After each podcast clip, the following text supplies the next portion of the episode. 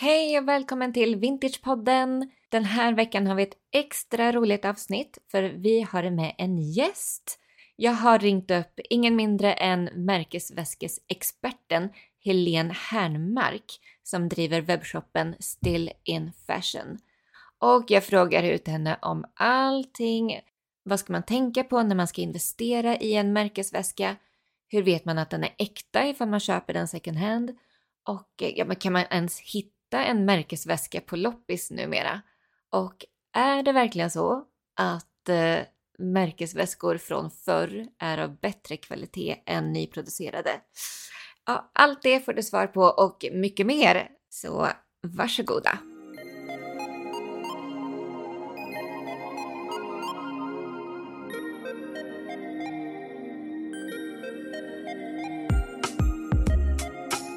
Hittar man vintage, då är det alltid en, en klassiker. Där får man se pengarna.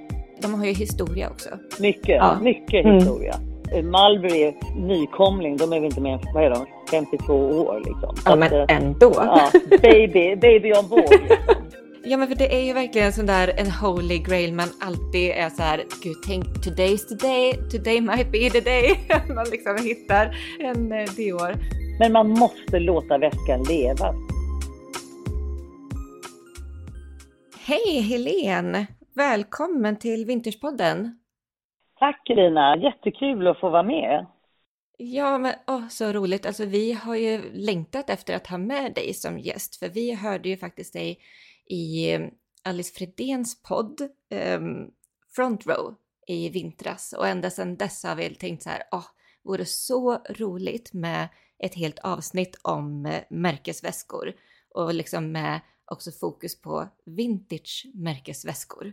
Ja, jag tycker det är jättekul. Jag måste säga det är synd att Alice slutade med sin podd, men hon har ju ett jätteroligt Ja. jobb och jag ser henne ibland. Det.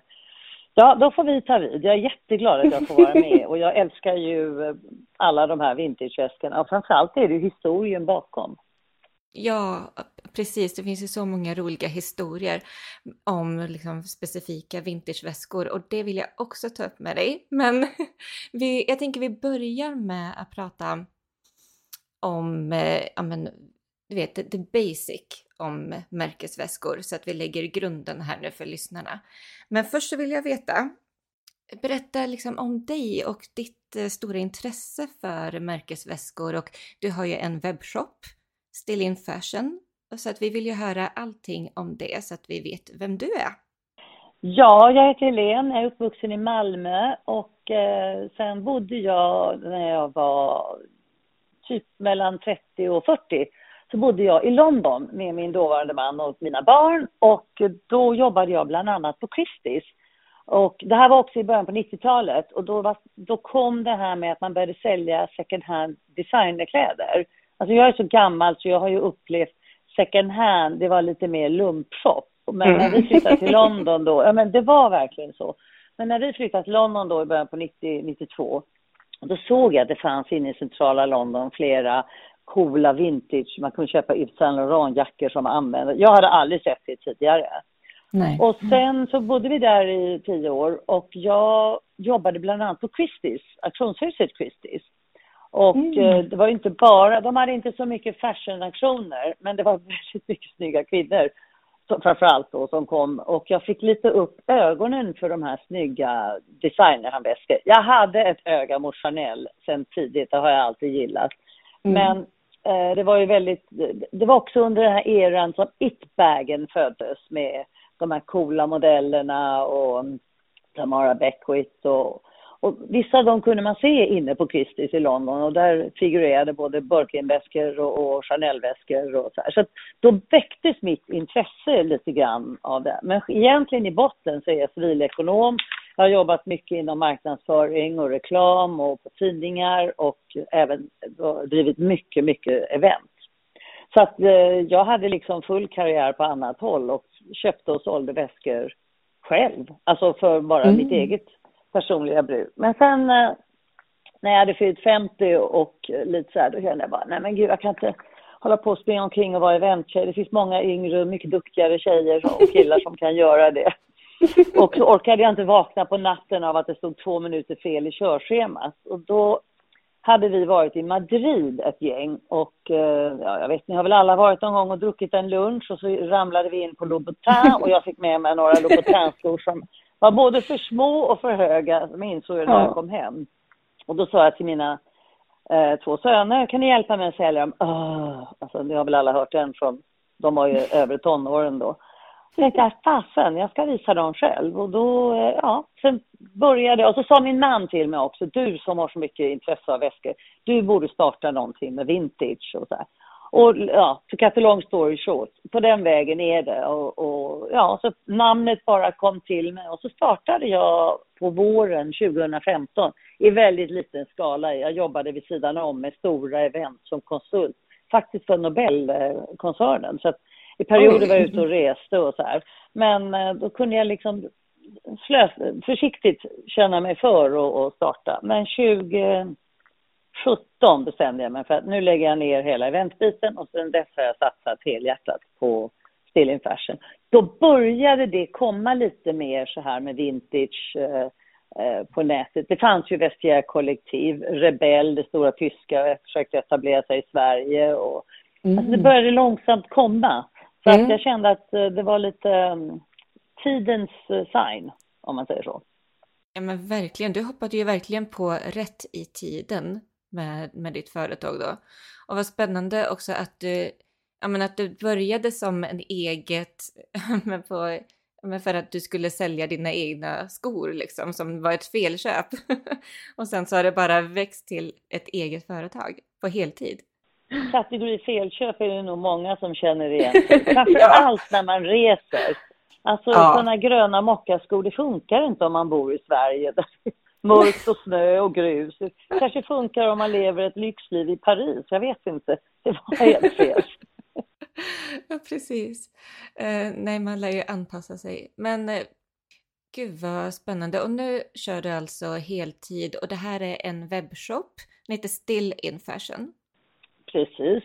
Ja, vilket, alltså, och när du sa det att namnet bara kom till dig, alltså vilket klockrent namn. Jag älskar det namnet. För det är ju still in fashion. Det är gammalt men det är liksom fortfarande superhett.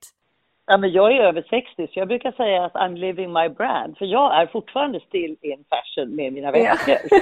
så att, äh, ja, nej, det, sen tycker jag också att äh, det fick jag upp ögonen för på Christies, det här med proveniens, inte bara av väskor, men att det finns så mycket vackra föremål som har en historia. Och mm. eh, många av de här, sen, sen blir jag ju mer nischad på designerväskor, de, framförallt de europeiska stora modehusen. Mm. Det finns ju så mycket historia. De är från mitten på tidigt 1800-tal och äh, det finns äh, jättemycket oh. roligt. Och, men det ska vi ta en annan gång. Annars ska vi hålla yeah. på till ja, hur länge som helst. Ja, precis. Men jag skrev ju lite frågor till dig och medan jag skrev och skrev och skrev så märkte jag att men gud, det här är ju just två avsnitt. Så vi har kommit överens om att vi har ju redan bokat in nästan ett till avsnitt Absolut. efter detta. Absolut, det har vi gjort. Definitivt. Det ser jag fram emot.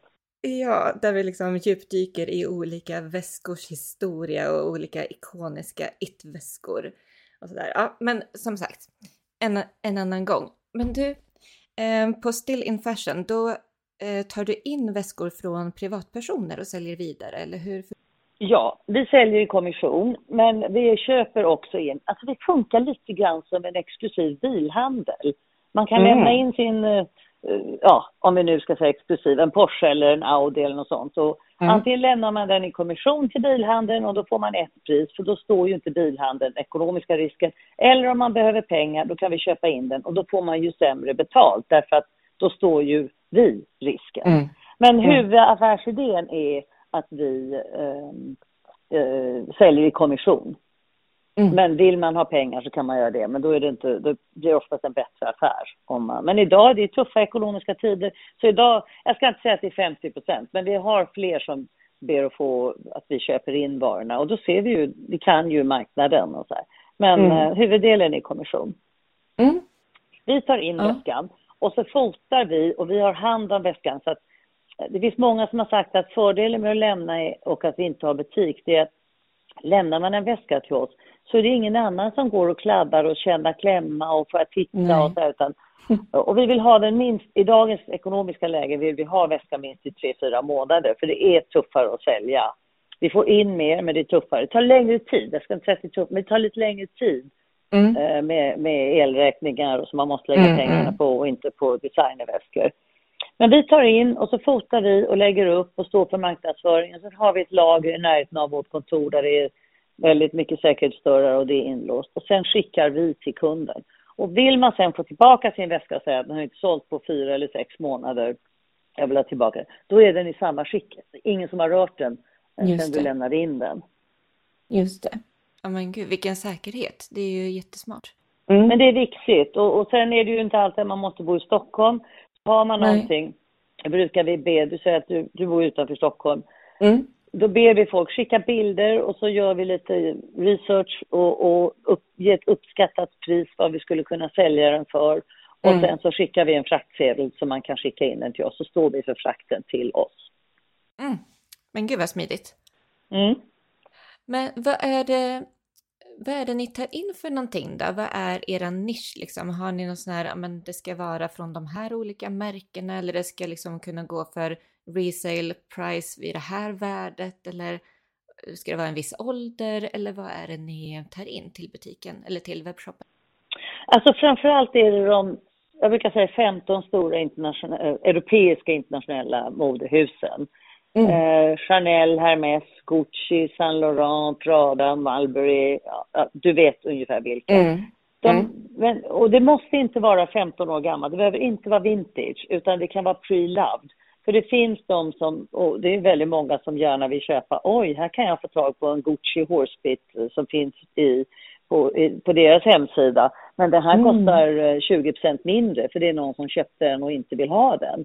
Så mm. vi, vi kör lika mycket pre-loved som um, vi då hävdar att man kan re-love, pre-love, re-love. ja. ja, och, eh, men så det måste inte vara vintage, absolut inte. Men det, vi kan ta in från Ralph Lauren, men då är det nästan bara den berömda Ricky Bag, den som är, eh, har fått namn efter Ralph Laurens fru. Mm. Men de amerikanska, vi säljer inte Michael Kors, vi säljer inte yttersta undantagsfall Marc Jacobs, mm. Friends Scholer. Det är svårt. Och, och sen om man tar svenska eller mer i Europa, vi säljer väldigt sällan en Acne-väska även om det är ett samarbete med Mulberry. Därför Acne är i vår värld en, ett klädföretag, skitcoolt, mm. men alltså klädföretag, de är inte varumärken utan det är de egentligen 15 stora europeiska varumärkena. Celine, ja du vet. Mm. Ja, gud. Ja men älskar alla de här, men just europeiska modehus. Det är ja. ju ja, men det är ju någonting annat. Det känns, det, de har ju historia också. Många ja, dem. mycket, ja. mycket mm. historia. Det är liksom, Mulberry, nykomling, de är väl inte med, de kom ju 71, de är väl knappt, vad är de, 52 år liksom. Så ja, men att, eh, ändå. Ja, baby, baby on board liksom. Så att, eh, ja. ja, men alltså Louis Vuitton och Hermès och de här som är från 1837 och 1834, där, då, då ja. talar vi lite annorlunda. Verkligen. Vilka är bästsäljarna hos er då? Alltså en väska som alltid säljer, det är ju lite beror på vad man får in och så här, men en som alltid, alltid, alltid säljer, det är Louis Vuittons den här Keepball-väskan, framförallt i ah. monogram, som är en weekendbag, finns i flera storlekar, men det är framförallt storlek 55 och 50 som säljer bäst.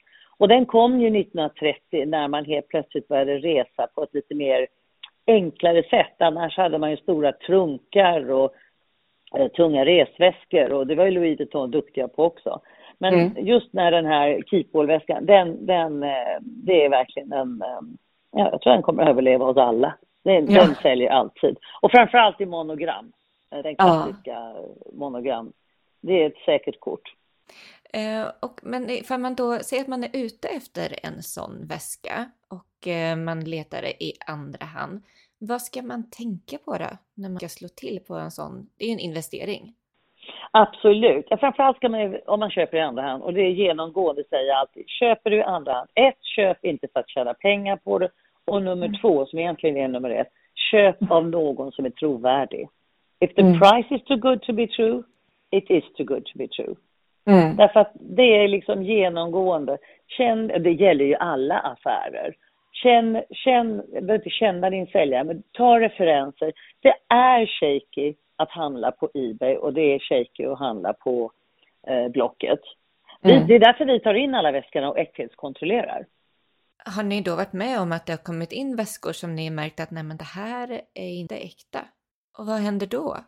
Nej men alltså det saknas vissa saker och sådär och, och ofta har det inte varit uppsåtligt utan den som man försöker eller vill sälja har inte vetat om det själv och det är okunskap.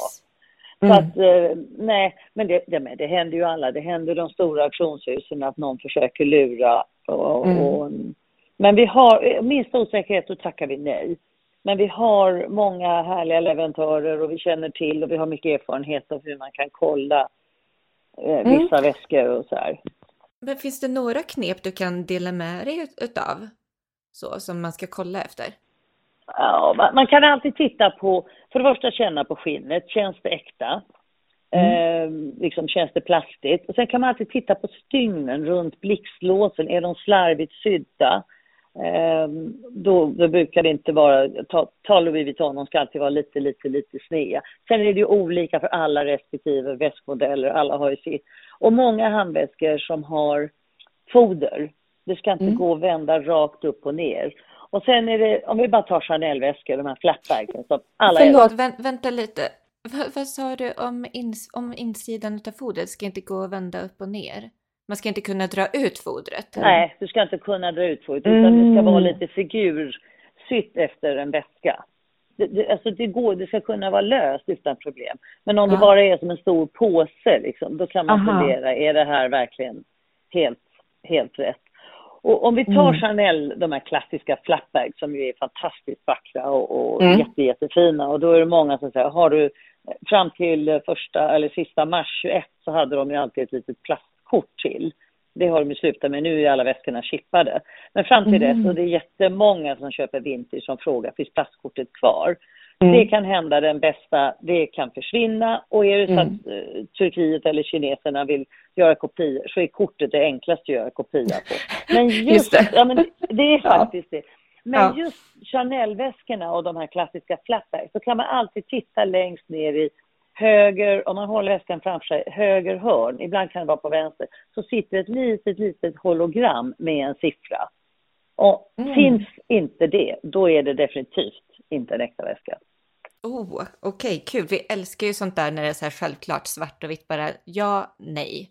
Mm. Ja, men det är bara på väskor så, alltså om väskan är efter, tillverkad efter 1 april 2021, men då står det på baksidan av, alltså på insidan av låset så finns det ett nummer som, som man då, och då, jag, alla väskor som, som jag säljer som, som är tillverkade, både Louis Vuitton och Chanel har ju chippat sina nu sen mm. eh, april 21 då ber jag mm. få se kvittot. För köper man en så dyr väska, då har man kvittot kvar. Och jag ja. råder alla att om man köper, ta en bild och lägg det i datorn.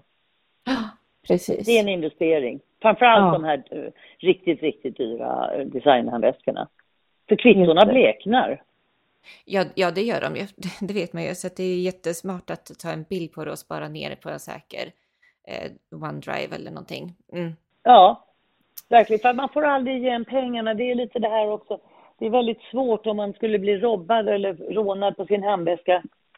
Då så säger försäkringsbolaget, ja men den här var ju 12 år gammal. Jo, men den här har ett andrahandsvärde som är värt Exakt. si eller så. Så det är alltid bra att ha kvar ett kvitto. Ja. Bara det på datorn, ha en liten My Bags fil på datorn. eller i telefonen. Ja. Men eh, på tal om det här med att försöka liksom hitta äkta märkesväskor.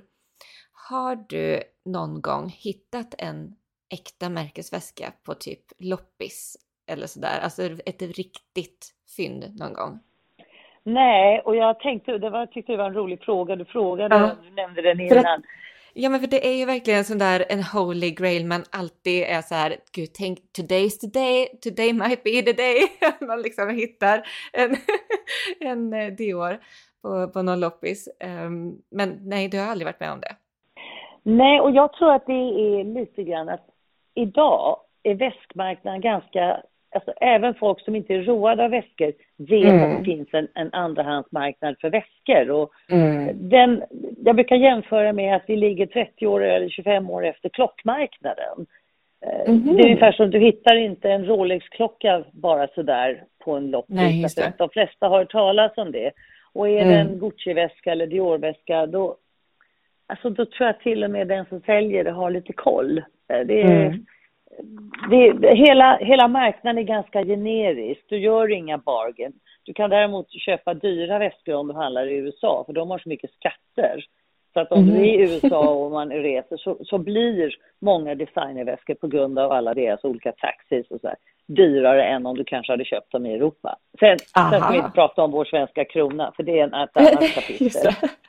Just det, de andra i Europa nu, de, ja, har du internationella kunder som liksom köper från Sverige nu när vi, kronan är så låg? Absolut. Absolut. Och jag har haft många, mycket från USA, där de, därför det lönar sig för amer- amerikanerna att köpa till exempel dyra Chanel-väskor med dollarn som är så hög, svenska kronan Ja. så dålig. Det är till och med billigare för dem att köpa via mig och själva tulla in dem. Just det. Så, så dyrt är det i USA och så risig är vår krona. Så Ja. det blir, men det blir ju en valutaeffekt. Men, men ja, vi säljer globalt. Vi säljer över hela världen. Mm. Gud vad Det mest konstiga var ett par Celine-skor som jag sålde till Australien. Portot kostade mer än skorna. Men hon skulle Oj. ha dem. Där har vi någon verkligen dedikerad kund. Ja, ja. Ja, men de, var, var de svåra att få tag på eller var det så här vintage eller vad, varför var de Nej, men det var under CB Phobis tid och det var några, Ja. de var någon fyrkantig tå och det fanns väl inte, hon skulle ha dem. De var Ja. jättefint skick, alltså de var absolut inte vintage. Men det var väl kanske halv säsong senare eller de inte fanns i hennes storlek. Hon skulle bara ha dem. Ja. Ja, ja. Ja, det tycker jag är roligt. Jag älskar sådana här dedikerade, galna människor. Som vi. Ja, precis. Ja. Man måste få vara nörd ibland. Exakt. Just det, det här tänkte jag också på då. När, okej, så det, men jag förstår att man kan liksom inte hitta, alltså äkta märkesväskor på loppis. Det är lite en urban myth. Så. Lite. Men, Ja. mm. men så okej, då går man kanske in på Vestiaire Collective eller Still in Fashion. Så, och vad är det då man ska tänka på ifall man vill ha en vintage-modell utav en klassisk väska? Är det liksom vissa detaljer som är extra viktigt att de är i bra skick? Är det någonting man behöver titta extra på? Att okej, men den här kanske sömmen vid blixtlåset var lite mer kantat eller, eller eh, finns det någonting sånt? Nej, men när man köper vintage. eh, Mm. vi, vi har ju alla våra väskor i Sverige och vi lägger ju upp alla själv. Jag bara gör en Mm. snabb jämförelse med Vestiaire Kollektiv. Jag är Mm. superimpad av Vestiaire Kollektiv. Men man ska, om man handlar på Vestiaire Kollektiv, då ska man vara medveten. Man ska alltid läsa vilket land väskan finns i. Om man nu Mhm. ska köpa någonting. Därför att är den i Hongkong, då är det du som åker på eh, tull och grejer när du ska tulla in den. Så att ofta blir det, ska du köpa, om du bor i Sverige och du ska köpa på Vestiaire Kollektiv, försök Mm. köpa att det är från ett europeiskt land. Och glöm inte att England är utanför Brexit, därför du åker på Exakt. tullen. Så det Just är en det. grej som man ska titta på när man handlar där. Sen tycker jag att Givetvis ska man se på skicket, och, men det ser man ju och det tror jag att många har koll på. Men man kan alltid fråga om den har någon doft. För gamla väskor kan lukta Mm. unket, parfym, Rök? rök. Alltså Mm. det, det finns, så det ska man om man köper på, på, jag brukar alltid skriva ut det på, vi är väldigt, jag får ofta höra att vi är lite för pessimistiska när vi skriver att den har en, jag får ofta tillbaka liksom, det var ju mycket finare skick än vad du skrev. Jo men det är bättre Ja. att peka ut och säga att den kan ha en slight scent av, eller det kan vara en liten, det är lite skavt på hörnen. Än att man Mm. kommer och får- den och så bara, oh, det var inte alls det här jag hade förväntat mig. Mm. Ja. Det. Men, men alltså jag beundrar, jag tycker Vestiaire Kollektiv är fantastiska och jag har faktiskt besökt dem i Paris för flera år sedan. Jag tycker de är Mhm. urduktiga. Men det, där lägger ju kunden själv upp och sen gör de äkthetskontrollen och de är jätteduktiga Just på det. Men man Mm. måste vara lite varse för att kostar en väska 10 000 kronor mindre och så ser man, glömmer man att kolla, shit den var i Hongkong, då kan den faktiskt bli 10 000 kronor dyrare innan den har Ah. tullats in och, och momsats in också i Sverige. Det är en Oj. sån här liten Det är ett supertips ju. Ja, som man kan ta Jättebra. med sig. Ja, men alltså är det vissa grejer som är en big no-no att det är liksom att det är lite trasigt eller lite skavt på när det gäller när man ska liksom investera i en vintage? Ja, om de har gått sönder i hörnen ner till och sånt så är det väldigt svårt att laga det. Och så mm. kan man ju titta att inte skinnet är för torrt. Um, jag vet Just att det. finns ju de här klassiska Louis Vuitton Noé, de som är gjorda av... Ja, som också och jag älskar den Man modellen. kan ha fem flaskor, ja, du kan ha fem flaskor champagne. Kanten där uppe på dem, ja, den är, ja. blir väldigt lätt torr och då spricker den. Och det går ju givetvis ah. att lämna in och man kan säkert köra in den på spa på Louis Vuitton. Men alltså, om, om skinnet är väldigt, väldigt, väldigt torrt, då kan det spricka och det kan också gälla axelremmar och då kan den gå av. Mm. Mm. Och det är inte alltid det funkar med att bara smörja in den med något möbelfett eller Bottega Veneta har någon fantastisk mirakelkräm. Men liksom, har det blivit för torrt så har det blivit för torrt. Mm, just det. Så det är verkligen ett jättehett tips att verkligen ta hand om sina skinnväskor. Smörja ofta. Vet, vet du hur ofta man ska, har du någon sån här eh, guide på hur ofta man liksom ska ta hand om sin vintageväska? smörja in och är det någonting mer man behöver göra?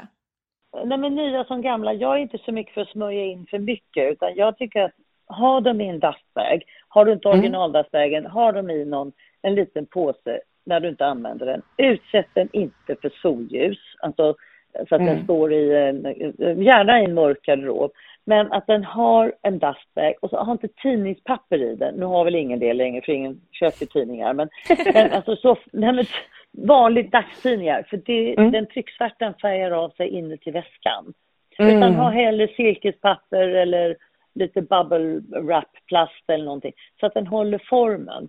Så man tar mm. hand om dem lite när, eh, när de inte används. Och står de i dustbags så här, då ska de inte bli så torra i skinnet. Nej, men jag vet okay. att vi mm. så, så, Men man ska vara försiktig också med att smörja in för mycket för då kan det kleta av sig på på dina kläder. Och samma mm. sak om du köper en ljus eh, vintageväska eller en designerhandväska.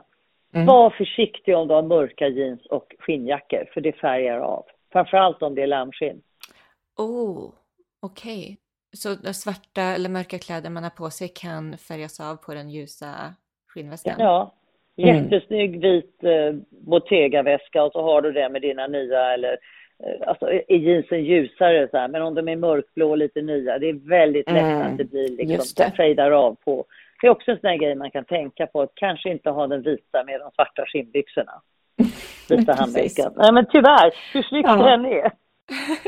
ja exakt, kontrasten där är ju så snygg. Men ja, det är jättebra tips.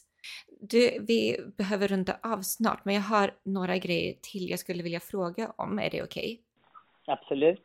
Ja, för att när jag var i Milano och det här har poddlyssnarna hört talas om så slank jag in på en eh, vintagebutik som var verkligen så high-end. De hade 1968 Paco Rabanne eh, metallklänningar. De hade en hel vägg med Hermes-väskor, Kelly och Birkin. Och jag fick faktiskt prata med den här ägaren, en eh, man i sina bästa år så. Och eh, han var ju väldigt glad att berätta om butiken och sådär.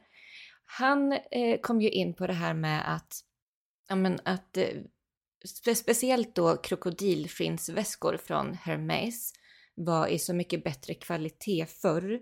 Och då pratade han innan 1997.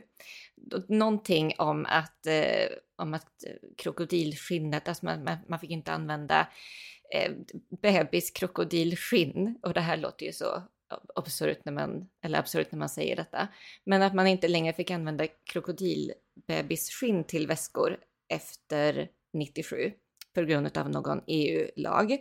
Och då menar han på att väskorna innan 97 är ju så mycket kvalitet än dagens nyproducerade krokodilskinnväskor.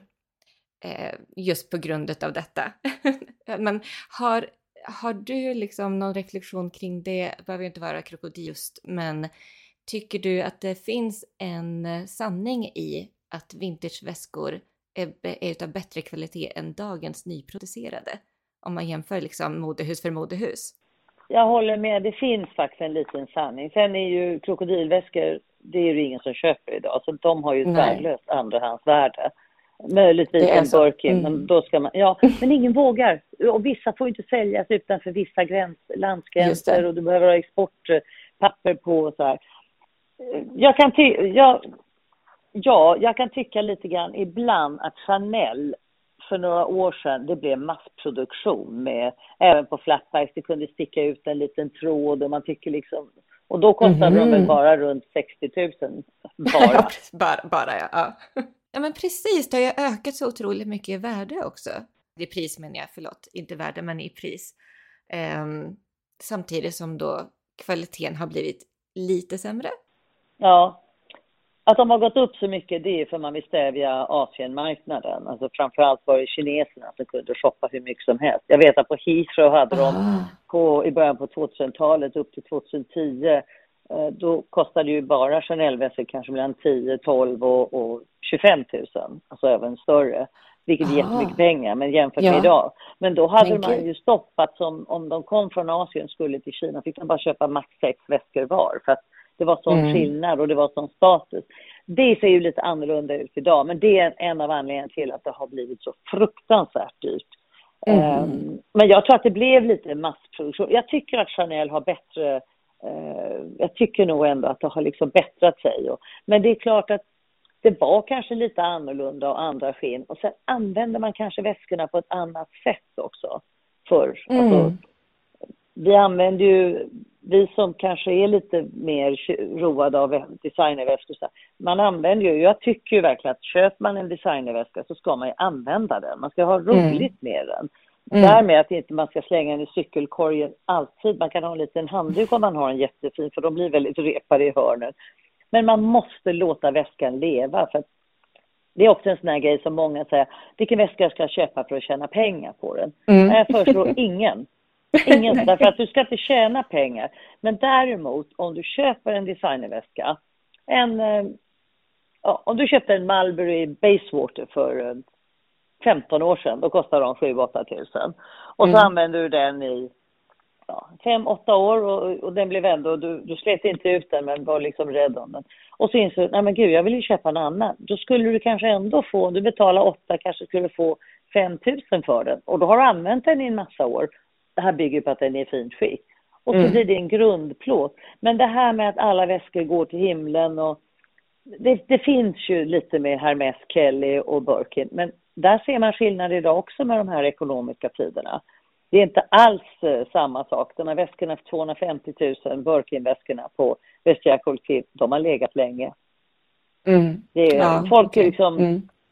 Så det är lite sign of times. Jag tycker, köp väskan för att du ska njuta av den.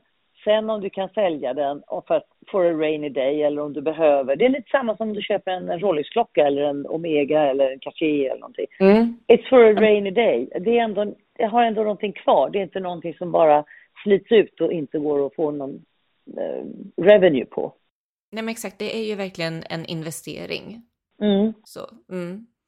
Um, för att, men då tänker jag också så här, med tanke på att det är en investering och för de här rainy days som du säger, finns det någon märkesväska som du, för att det går ju i upp och ner i popularitet och eh, värdet höj, höjer och, och sjunker så med eh, trenderna. Så kan du se, har du någon spaning på en väska som är lite opoppis just nu? Som kanske inte säljs för jätte, jättehögt pris. Som man kanske kan investera i för att man också gillar den modellen. Även, alltså man kanske inte är sån som en trendslav utan man är så här, men jag skulle vilja bygga på min eh, märkesväska garderob. Och eh, då är det väl ganska smart att köpa en som är lite opopulär nu för att tänker att den kanske kommer bli poppis framöver. Ja, fast en klassiker byggs inte på en natt. Och egentligen Nej. de enda väskor som har ett enormt andrahandsvärde idag, det är ju klassiska Chanel flatbags och det är Hermes Kelly och Hermes mm. Birkin. Det är liksom, jo, och de har ju funnits med långt längre än vad både du och jag har funnits med kan jag säga. ja. Men väskor, ja. alltså jag har ingen aning, jag kan inte svara, men jag kan ju tycka om man vill köpa en designerväska som inte är lika dyr som Chanel och de här, ja. då tycker jag att uh, de här eh, klassiska, de är dyra i och för sig, Céline Triomphe, de här som, som är en revival på 70-talets uh, Triumph, de är fina. Man kan, mm. Gucci är inte lika dyra och Gucci som Nej. har de här uh, webben, det här rödgröna, någonting sånt. De är alltid klassiska. Det kan vara mm. att de kommer igen och igen och igen. Det är, Det är liksom, mm. det, det, går tillbaka till rötterna från det där, är den här webben, den här rödgröna, det kommer ju med idéer från sadeljorden på hästarna, på sadeln. När man skulle, de, de var ju väldigt ridintresserade, familjen Gucci. Mm. Och eh, ibland kan jag tycka att Prada är lite undervärderat just nu. Men det kan, det kan ju vara att ett varumärke har egentligen bara en sån väska ska jag ha. Det är de, det som är de stora, även om de har mm. 30 andra modeller. Så det är väldigt svårt. Eh, jag tycker fortfarande man ska köpa en väska för man ska använda den och njuta av den. Och den har alltid ett värde om man tar hand om den. Men ja. sen kanske man inte tjänar pengar, utan då får man se det man har tjänat är lyckan och värmen och härligheten av att få lov att bära och äga den. Om man måste sälja den, eller vill sälja ja. den.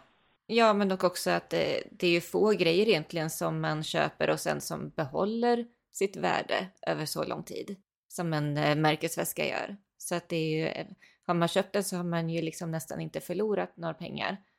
Eh, för att det finns liksom en andrahands... Nej, Precis, mm. och så är det. Mm. Men det är ofta bara en, det är som jag får ofta frågan om, jag får in rätt mycket Chanel-väskor. Ja men gud, de kostar ju 120 000. Jo men det är den här modellen som kostar ja. så mycket ny. Den här väskan är från 2010, det är en helt annan modell och den är lila. Den har inte samma andrahandsvärde. Det, Nej. Så är det. Eh, det, det är utbud och efterfrågan. Mm. Ja, men så där är du lite inne på ett tips. Vi, vi skulle kunna avrunda med det. Vilka är dina liksom, tre tips på vad det är man ska investera i ifall man vill köpa en märkesväska? Alltså, du, du pratar till exempel om kanske inte en lila Chanel så, utan kanske mer klassiska. Eller vad, vad skulle du säga? Ja, det är alltid, då säger jag så här att om man ska man köpa sin första väska, då tror jag man ska gå på en svart eller kanske beige konjak, för det är liksom det man kan ha till flest typer av outfits och kläder. Mm. Men svart är ju väldigt enkelt. Så att basfärger, och då säger jag mm. svart, beige, brun är hot nu och det brukar alltid komma i säsong. Och även blått. Mm. Det, det är en grej. Och sen, men sen är det ju att köpa från de stora modehusen eh, eller deras väskor. Och om man mm. talar Gucci, jag gillar Gucci, jag tycker Gucci är ett otroligt coolt varumärke och de har mycket ja. rolig historia. Eh, hittar man vintage och den har en någon sån här rött-grönt webb, eh, då är det alltid en, en klassiker. Där får man alltid igen pengarna. Mm. Eh, sen det här med om man ska köpa stora eller små, det beror ju helt på. Eh, just nu så vill ju alla gärna ha en handsfree handväska, att någonstans man ska kunna hänga den över eh, axeln eller hänga mm. den lite som så att man har händerna fria. Det, Just det. Och man, men sen helt plötsligt så ska alla ha jättestora väskor. Eh, och så, det svänger lite. Ja. Det handlar ju om, köp något du har behov av och du gillar. Och, en liten handväska är ursnyggt, men då måste man nästan alltid ha en lite större om man ska få med sig en dator till jobbet eller man behöver en pärm. Det mm. kanske ingen som är under 70 har, har idag. Men alltså man vet ju aldrig. Eller man vill ha med sig träningsskorna eller något så. Det funkar ja. inte i en liten tjusig eh, cylinderväska. Det är svårt. Mm. Så att, eh, det är väl lite, tänk på vad ska jag använda den till och hur vill jag njuta av den och framförallt gör den glad. Det är viktigt. Ja, men gud vad bra. Det var ett jättefint avslut ju. Jag får tacka jättemycket för att du ville vara med Helene. Och så får jag uppmana alla att gå in på Still in Fashion på Instagram och följa dig där också. Ja, jättegärna det. Och tack mm. snälla för att jag fick vara med. Det var jättekul. Jag är imponerad av vad ni gör också. Väldigt roligt ja. att få vara med. Tack snälla. Tack snälla.